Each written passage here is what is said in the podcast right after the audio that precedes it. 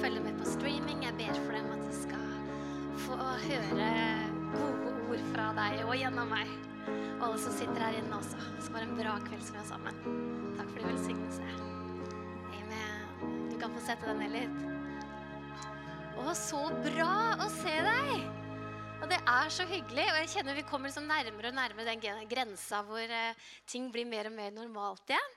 Og det er veldig, veldig fint. Vet du, når jeg var 16, nesten 17 år, så reiste jeg et år til USA som utvekslingsstudent.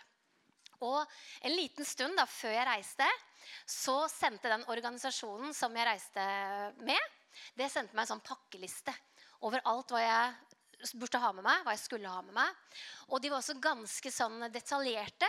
Så, for det er jo litt vanskelig for en 16-åring å pakke for et helt år. Og særlig når man bare kan ha med én koffert. Det var liksom grensa den gangen. Sikkert andre grenser som gjelder nå. Men derfor husker jeg fikk en liste over alt som jeg skulle ha med meg. Og jeg kryssa ut, og det gikk veldig, veldig fint. Så fikk jeg høre om ei jente som skulle reise på akkurat sånn samme eh, utvekslingsstudentår til USA. Det var noen år tilbake, nei, noen år etter meg. Og hun ville absolutt ha med seg Øst-Telemarksbunaden sin. Og jeg tenkte er ikke det litt unødvendig bagasje? liksom? Du skal reise ett år til USA, du har kun én koffert og pakker. Og så velger du Øst-Telemark-bunaden din med påfølgende eh, sko og søljer. Fordi at eh, hun ville gjerne liksom ha på seg den når det var 17. mai. Og jeg tenker, de feirer jo ikke 17. mai eh, på samme måten i USA. Nei da. Litt unødvendig bagasje. Og jeg har fått et bra tips av mammaen min. Fordi når hun pakker når hun skal for en uke til Syden med noen venner, så finner hun fram kofferten i god tid og kanskje skriver en liste først, for da kan man stryke ut. Er det flere som liker å skrive lister? Ja, flere her. Og så stryker hun ut, og så har på en måte, ok, nå er kofferten min ferdig pakka. Så gjør hun noe lurt. Hun lar det gå en dag eller to, og så tar hun ut ting. Fordi at hun, Av erfaring da, så vet jeg at hun alltid har med seg litt for mye. Det kommer alltid hjem igjen med klesplagg som ikke er brukt. Så liksom andre omgang da er hun litt sånn ekstra streng med seg sjøl. Og så har jeg begynt å gjøre akkurat det samme. Funker som ei kule. Og ikke kommer jeg hjem med masse masse ekstra tøy som ikke er brukt. Men jeg kanskje har med noe nytt, for det er plass til noe mer fint kanskje som jeg har kjøpt meg. ikke sant? Om det er i utlandet eller noe da. Så får man plass til det i kofferten sin. Og Forrige søndag så snakka vi om eh, den bagasjen. Ikke koffert, men da brukte vi eh, bilde på en sekk som vi bærer med oss gjennom livet. Vi har med oss hver vår sekk, og oppi her så putter vi oppi eh, ulike hendelser. Opplevelser, verdier vi har, det som er viktig for oss. Det er det vi går og bærer på. Så oppi den sekken her så kan det ligge mange fine ting. Sånn som ja, hva som er hyggelig? Kanskje en skitur? Det kan være hyggelig sammen med familie eller gode venner. Eller aleine. Hallo, du får jo all sjokoladen for deg sjøl. All kakaoen du slipper å dele. liksom. Det er ikke å forakte det. En deilig skitur. Ja, det, Hvis du liker det, det kan være en fin ting å putte opp i sekken din. Eller det å lese en god bok. Eller kanskje du har hatt en god samtale med en venn. Der hvor du fikk bety noe for noen. Eller kanskje den personen sa noe som oppmuntra deg. Og så blir det sånne hyggelige ting som vi tar med oss videre i livet. Det gjør sekken din god å bære på. Men så vet vi også det, da. At det er jo ikke bare hyggelige ting vi går og bærer på. For oppi her så skjer det jo andre ting også, da. Det hender at det Skal vi se her, hvis jeg drar langt ned i sekken. Det hender vi går og bærer på noen tunge ting også. Noen steiner. Skal vi se, Hvor det opp og ned på den sekken her, da? Sånn var den. Burde hatt skilt. Dette er opp, og dette er ned. Nei da, jeg skal klare det. oi, oi, oi. Noen ting gjør sekken litt tyngre å bære. Og det kan være sånne unødvendige byrder. Bunaden. Går og bærer på bunad. Ja, hva kan det være, da? Nei, kan ikke det være bekymringer, da? At du går og bærer på, bærer på noen bekymringer, og kanskje det er liksom veldig liten sjanse for at det faktisk kan skje, men så går vi og bærer på det likevel.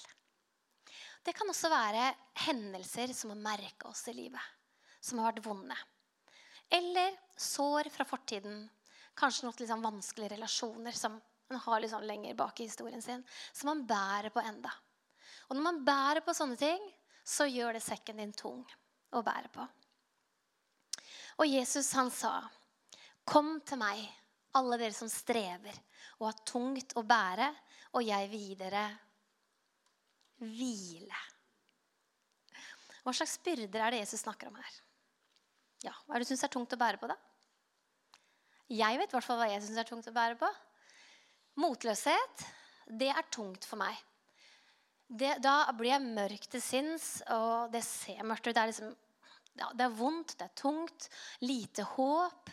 Eh, jeg er ikke noe glad. Og krafta mi, på en måte, den, den er borte. Spruten, iveren, den er borte. Så det er tungt for meg å bære på. Motløshet.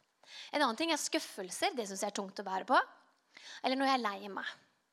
Det, og alle sa 'Å'. ja. Når jeg er lei meg, det er tungt. Da har jeg det ikke godt. Og det sitter litt i. En annen ting som jeg syns er uh, tungt å bære på, det er den tanken om at kanskje ikke alle er fornøyd med meg. Den er også litt heavy noen ganger. Sånn kommer han hmm. Og det var det. Nei da. Det er mer, det er mer Oi! Å! Nei, vi må ikke se mer opp i min sektor. Det er mer jeg også går og bærer på. Men hvordan er det med deg, da? Hva bærer du på som du syns er tungt å bære på? For det kan være, Kanskje du kjenner deg igjen i noe av det som jeg nevnte på. Eller så kan det være anger. Det er tungt. Um, mismodighet. Hvis man er nedfor. Det er tungt. Skyldfølelse. Eller så er det her med livskriser. De kommer jo aldri som bestilt. De bare kommer. Og de er vonde når man plutselig står i det. Det var ikke det man hadde sett for seg. Eller sinne. Og hva med utilgivelse å bære på det, eller bitterhet? Og vet du, sånne ting gjør noe med oss så sant ikke vi gjør noe med det. De tinga der, de gjør noe med oss så sant vi ikke gjør noe med dem. Og det er sånn at det, når noe har skjedd, da, så får vi sånn en uro inni oss. Urolig følelse. Sånn, åh, vi går og bærer på noe tungt. Og hva gjør vi med det? Jo, vi søker jo etter løsninger, gjør vi ikke det? Men vet du hva vi ofte gjør? Vi søker etter sånn minste motstandsvei. Ja, den! Det som er på en måte lettest å gjøre. Det er ofte dit vi går. Og vet du hva det er? Det er å skylde på noen. For vi har et så stort behov for å legge skylda et eller annet sted. For noen må jo ha han, og jeg vil ikke ha han. Så vi legger han heller hos noen andre. Er det noen av dere som så det klippet som var på YouTube for det er sikkert noen år tilbake nå? Så var det en sånn eh, Jeg har et bilde av den, eh, ja, et, sånn, et kart. da. Problemløsning. Helt øverst. Funker det? Har du noe problem eller ikke? Nei, det, ting funker. Ok, Da går vi Ja. Alt funker som det skal. Da går vi til Det blir deres venstre. Ja. Og hva gjør vi da? Hold deg unna. Og så videre. Helt ned til den grønne her. Da er ikke noe problem. Problemet er løst. Men hvis du går opp igjen, da, fungerer det? Nei, det er et pro problem her. Jeg har tukla med deg og gjort noe gærent nå. Og så hvis Ja, jeg har det. Ja, dust. Eller nei. Eh, og så går du gjennom det kartet her. Ja. Og så til slutt da, så har du den regelen her. Fungerer det? Eh, nei, det er et problem her. Da går vi til, til høyre. Eh, og så går vi videre. Vet noen andre om det? Ja. Eh, er det ditt problem? Ja. Eh, kan du skylde på noen? Ja. ja. Problemet løst. Så har du liksom uansett ikke noe problem. Det, det er ofte dit vi kan, vi kan være frista til å gå da. Og vet du, det er jo rent menneskelig å skylde på noen andre. Det er det. Hadde ikke han sagt det til meg, så hadde jeg ikke kjent på dette nå. Hadde ikke hun gjort det, så hadde ikke jeg hatt det sånn som jeg har det nå. Eller om de bare hadde, så Ikke sant? Så er det lettere å anklage andre mennesker framfor å ta ansvar i den situasjonen man har havnet i. Uansett hvem som har skylda. Og det man bør heller gjøre, det er å søke å forstå og se inn i eget hjerte. Se inn i egne sår som trenger legedom. For om man fortsetter å skylde på andre For det kan veldig gjerne hende at det er faktisk deres skyld òg. Så den skal du ha. Det kan veldig gjerne hende. Det er jo ofte sånn òg. Det er andres skyld. Det har skjedd noe. Ja. Men hvis du fortsetter å bare skylde på andre og ikke kommer noe videre, og ikke tar ansvar for der hvor vi er nå, da havner man fort i en offerrolle. Og offerrolle det er ikke et godt sted å være. Og jeg tror vi alle sammen har gode grunner for å kjenne oss som et offer. Vi har det for vi har opplevd så mye vondt gjennom livet. Alle sammen. Livet skjer.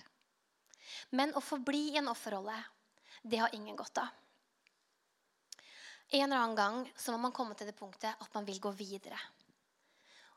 Og Jeg skal snakke om én ting i dag som på en måte gjør at vi beveger oss videre ut ifra det, som, det vonde vi har opplevd, og som vil være med på de steinene du har i sekken din, og faktisk løfte de ut, og ikke bære på de lenger.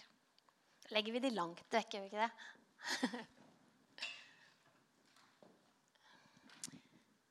Veien ut, det er bl.a. tilgivelse. Og hør nå. Tilgivelse det er ikke å si at det, det, som skjedde med deg, det var greit. Absolutt ikke. Tilgivelse er heller ikke å si at ja, ja, pytt, putt. det gjorde ikke noe. Nei, det er heller ikke tilgivelse. Tilgivelse derimot, det er å erkjenne det som ble gjort, det som ble sagt, det var feil. Det var ikke greit. Det er jo derfor det trenges tilgivelse. Så de må vi ikke mikse opp. Det som ble sagt og det som ble gjort, det var ikke greit. Tilgivelse er det et behov for. Og når du tilgir, så frasier du deg retten av å straffe, til å dømme og til å ta det opp igjen og opp igjen. og opp igjen. Og her tenker jeg, Nå er vi plutselig inne på ekteskapsrådgivning her. For det hender man har liksom Ja, men du gjorde det. Ja, men jeg har ikke gjort opp det. Nei, vi må ta den der en gang til. En gang til. Så gjentar man ting som man egentlig har gjort opp. Men når man tilgir, så frasier man seg retten til å dømme det. Og så gir man det til Gud. Man gir situasjonen til Gud, og man gir personen til Gud. Så får han ta å være dommer over det. Om du syns at det er vanskelig å tilgi, for det kan det være noen ganger Det kan være innmari vanskelig å tilgi. Så skal du få lov til å begynne et annet sted. Da skal du få lov til å begynne med en enkel bønn som går sånn her. Gud, hjelp meg å tilgi så vil du etter hvert kunne komme til det punktet hvor du kan starte en prosess med å tilgi. For jeg sier det er en prosess. Og i begynnelsen, det er i hvert fall min erfaring, så kan det virke som mekanisk. For alt i meg sier 'nei'. De fortjener det ikke. Nei, men det er ikke det det er snakk om. Nei! Alt liksom bare åh, Følelsene. Men så er det et, vild, det er et valg man gjør å tilgi. Så i begynnelsen er det litt sånn mekanisk at man bare velger å tilgi. Men etter hvert så skal jeg love deg at det blir enklere og enklere og enklere. Og I Matteus 18 så står det om Peter.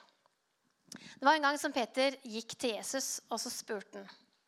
Herre, hvor mange ganger skal min bror kunne synde mot meg, og jeg likevel tilgi ham?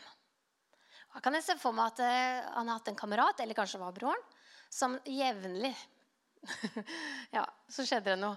Og så begynte Peter, tenkte jeg Nærmer vi oss kanskje ikke snart den grensa her nå, Jesus? Er det så mange ganger som sju?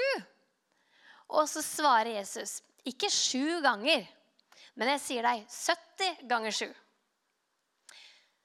Her tror ikke jeg at vi skal henge oss opp i tall. Jeg tror at Jesus ville lære oss å si noe veldig, veldig viktig her. Det er at vi alltid skal tilgi. Og ofte er det en prosess, slik at man må gjøre det igjen og igjen og igjen. og igjen. Helt til du kjenner at det, følelsene de er ikke der lenger. De vonde følelsene de mister taket sitt. Og det som er så bra, det er at det er stor kraft i tilgivelse. Større enn vi tror. Slik at når du tilgir, så skjer det noe. Tilgivelse har en så stor kraft i seg, så den det vonde du har båret på hjertet ditt, sinne f.eks., det bare røsker det opp. Bitterhet, tilgivelse, røsker det opp. Slik at etter hvert så blir du fri. Du går ikke og bærer på alt det vonde lenger. Ja, kanskje du bærer på minnene. Men minnene de har liksom ikke den krafta og det vonde i seg lenger. For det såret er lekt. Men du husker det. Men det er ikke det vonde knytta lenger til det. Så du blir fri. Hva syns dere om det?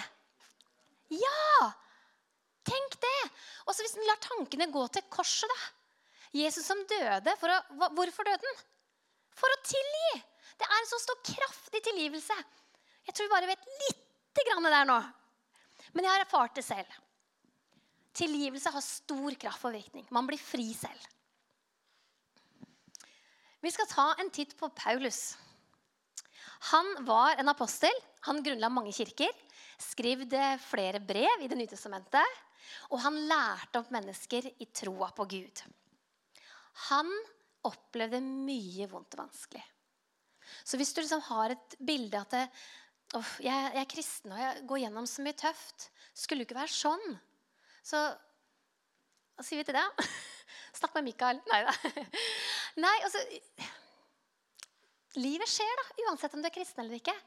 Men vi har en kjempestor fordel. Og det er at du har Jesus med deg gjennom alt. Og det er masse som er tilgjengelig for deg, så at du skal komme gjennom det.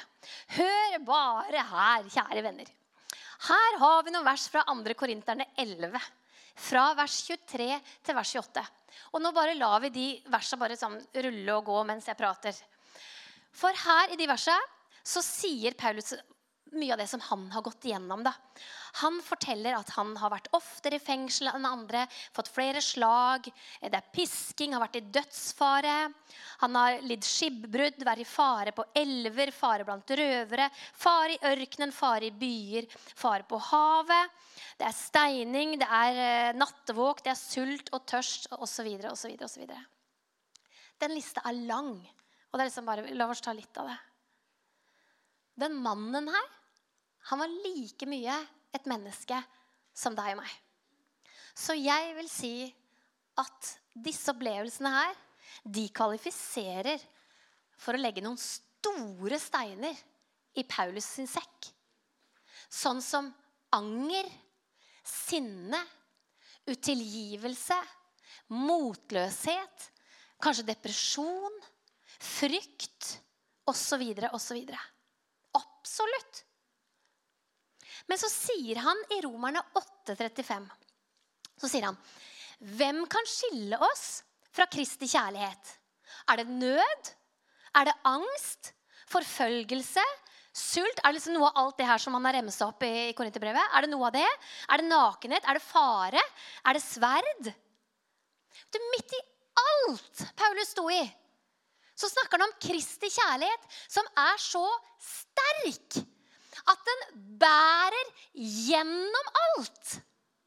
Gjennom alt så bærer Kristi kjærlighet.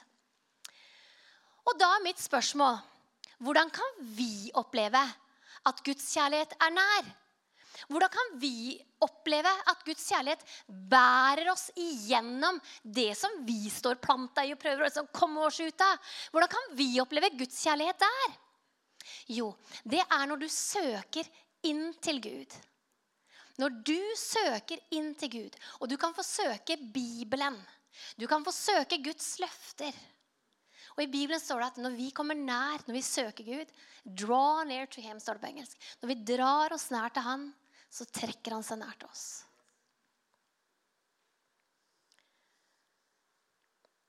Og i møte med han så kan vi overgi.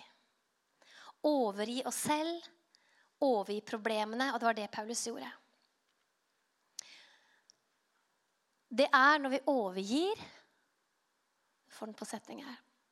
Nei, få setningen opp her. blir Det Det er det vi overgir, at Gud tar over. Du kan bare la den stå litt. Det er i det vi overgir, at Gud tar over. Det er da vi opplever Guds nærvær. Det er da vi opplever ny styrke og hvile midt iblant det som er så innmari tungt og vanskelig. Og I brevene til de ulike kirkene så ser vi hvordan Paulus håndterer det han står i.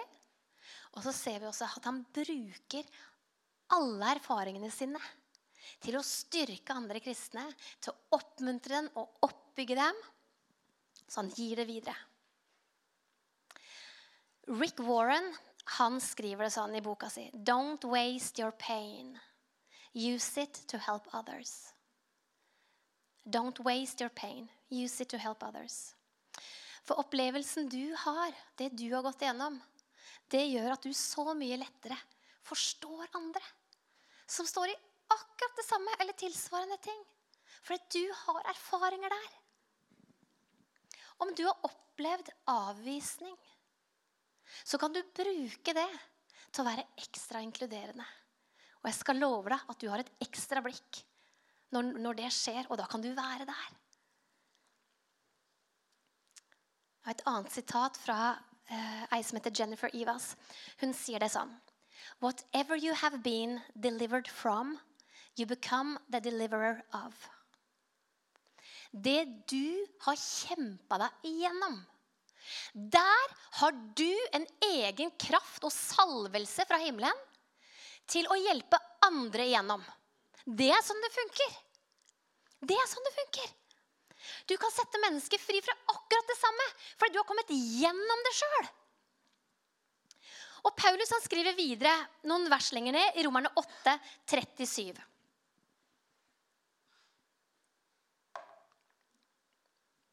Så står det Men i alt dette Og da kan du ha i hodet ditt den lange regla med alt han har gjennomgått.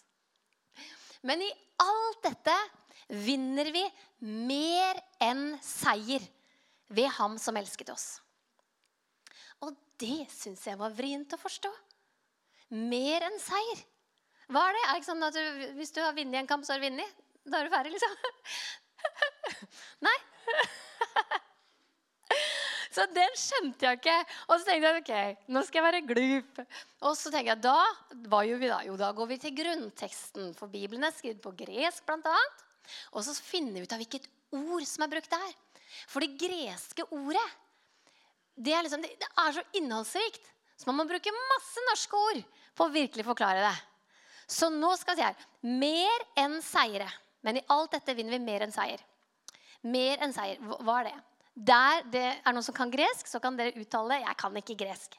Men det det betyr, da, det er å være mer enn en erobrer. Å vinne en overlegen seier. Og den her syns jeg er kul. Å beseire hinsides. Den er fin. Å vinne en avgjørende seier mer enn å erobre. Ble det noe klokere nå? Lite grann? Nei, ikke jeg heller. Så jeg ringte Hilmarie. Og så ringte Hill Marie og sa hei, du, jeg skal tale til søndag. Å, så fint, liksom. Og så sa jeg men det her er et sånn eh, gruppeprosjekt, så det er veldig fint om du kan bidra. Og det gjør hun, vet du. Hun bidrar. Så spurte jeg henne om det her verset, for det her syns jeg var litt knotete å forstå. Vil dere høre hva hun svarte? Jeg har skrevet det ned, vet du. Hun skrev det. Hør da. Det er veldig, veldig fint. Når vi gir våre byrder til Jesus, så vil han alltid gi oss noe tilbake. Vi kan ta imot himmelsk kraft og visdom som tar oss igjennom og forbi det vanskelige.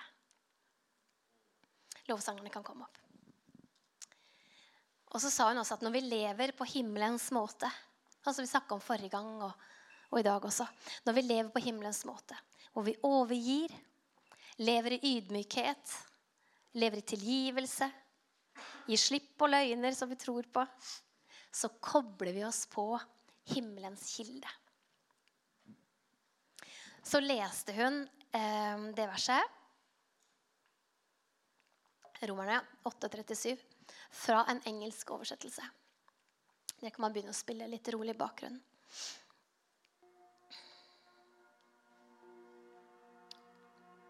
Og det romerbrevet 8,37 sier da, det er våre vanskeligheter blir tilnærmet lik ingenting sammenlignet med den himmelske herlighet som er tilgjengelig. Våre vanskeligheter. Ja, det er ikke de som er De er reelle. Det står her. Våre vanskeligheter. Det er vanskelig.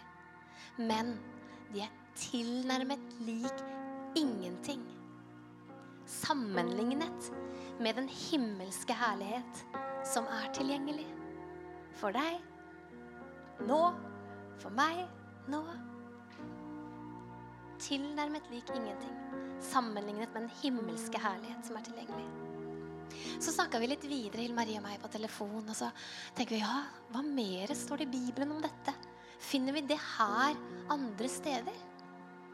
Ja, så fant vi det i Filipperne 4, 6 og 7. For der står det 'Vær ikke bekymret for noe'. Men la i alle ting dine bønneemner komme fram for Gud i påkallelse og bønn med takk.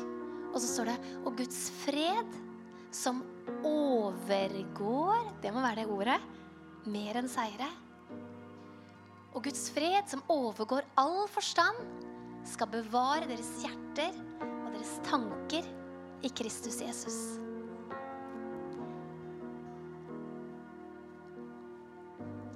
Himmelsk fred.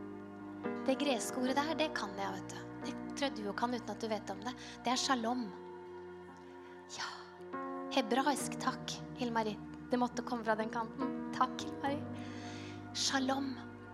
Og vet du hva shalom betyr? Jeg har hørt en definisjon på det, og det var Guds fred som ødelegger kaos. Ja, det kan være kaos inni her mange ganger. Det kan være kaos inni her mange ganger og rundt her. Det er kaos. Men når Guds fred kommer, når shalom kommer, så er det bare sånn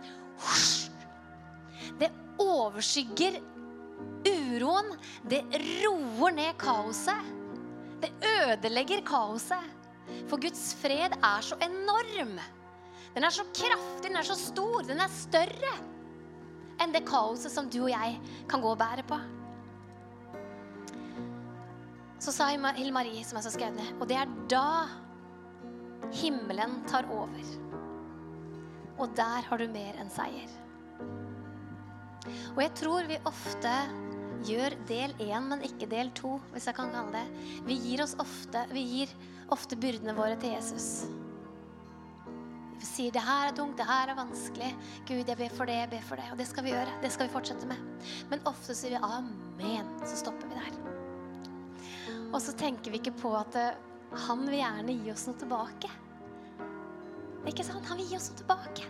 Han vil gi oss sin fred, sin styrke, sin visdom, sin hellige ånd. Ny kraft i hverdagen for det du står i, så du kan gå igjennom og oppleve at du mer enn seirer. Når Jesus sa 'Kom til meg, alle som strever og har tungt å bære', og jeg videre hvile, ja, så mente Og hvilen, den ligger ikke i å alltid ha kontroll selv. Hvilen kommer når du overgir deg selv, problemene dine, menneskene som har såra oss, osv. Og, og gir det til Jesus. Og så er det sånn at i møte med Jesus, vi gir noe til ham, så skjer det en byttehandel. Han vil gi noe tilbake. Og det er viktig, og det er godt å ta seg tid til den delen også. Hvor vi gir ham våre byrder og han gir oss sin fred og sin hvile. Vi skal straks be sammen.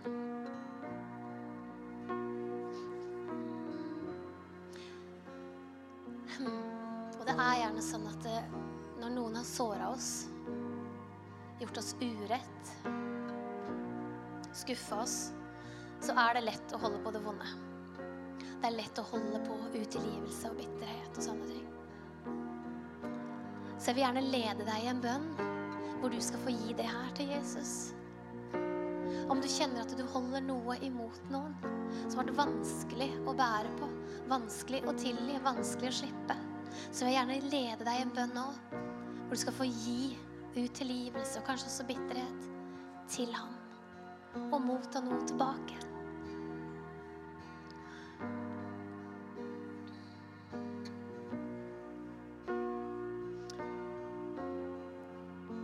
Hvis du vil være med på den bønnen, så gjør vi det som en hermebønn. Hvor jeg først sier en enkel setning, og så kan du få herme etter det. Og hvis jeg bruker ord som ikke er helt dine ord, så bare endrer du på det. Og så gjør du det til dine ord. For det din bønn. Så lar du det komme fra ditt hjerte. Og når vi stiller Jesus et spørsmål, så skal du få være stille en liten stund. Kanskje du får en tanke. Kanskje du ser for deg et bilde. Kanskje du kjenner på en følelse eller et inntrykk du får. Ta tak i det. Da er det Gud som vil gi deg noe. Om ikke du kjenner på noe eller tenker noe, ikke noe problem. Da er det bare å sitte og være. Man blir endra også i Guds nærvær. Det er når vi overgir at Gud kommer nær. Om du kjenner etter i eget hjerte at ja, det er noe som har vært vanskelig for meg å slippe. Det er en hendelse det er noen personer. Ja, jeg bærer på utilgivelse. så skal vi be en bønn sammen nå, hvor vi gir det til Jesus. Og hvis du ønsker å lukke øynene, så er det litt lettere å konsentrere seg. I hvert syns jeg det, så da gjør du det. Hvis du ønsker det. Mm, hvis du også ønsker å se for deg Jesus i rommet. Det liker jeg også å gjøre. Bare se ham for meg et sted. Kanskje han står ved siden av deg eller foran deg, eller du ser at han står her på plattforma, eller For noen så er det enklere å be når man ser Jesus for seg. Mm. Så kan du få gjenta etter meg og si Jesus. Jesus, takk for at du er her nå. Takk for at du ser meg og min situasjon. Og du kjenner hjertet mitt. Du vet, gått, du vet hva jeg har gått igjennom. Du vet hvordan dette her har prega meg. Og du vet hvor vanskelig det har vært å håndtere. Jesus, du har sagt at jeg kan komme til deg med alle ting og legge det ned for deg. Jeg kommer til deg nå, Jesus, og legger fra meg utilgivelse og bitterhet. Og jeg slipper tak i det nå i Jesu navn. Nå er det ditt. Det er ikke lenger mitt. Det er ikke lenger jeg som skal dømme det, det er du. Og denne personen er ditt ansvar, Jesus.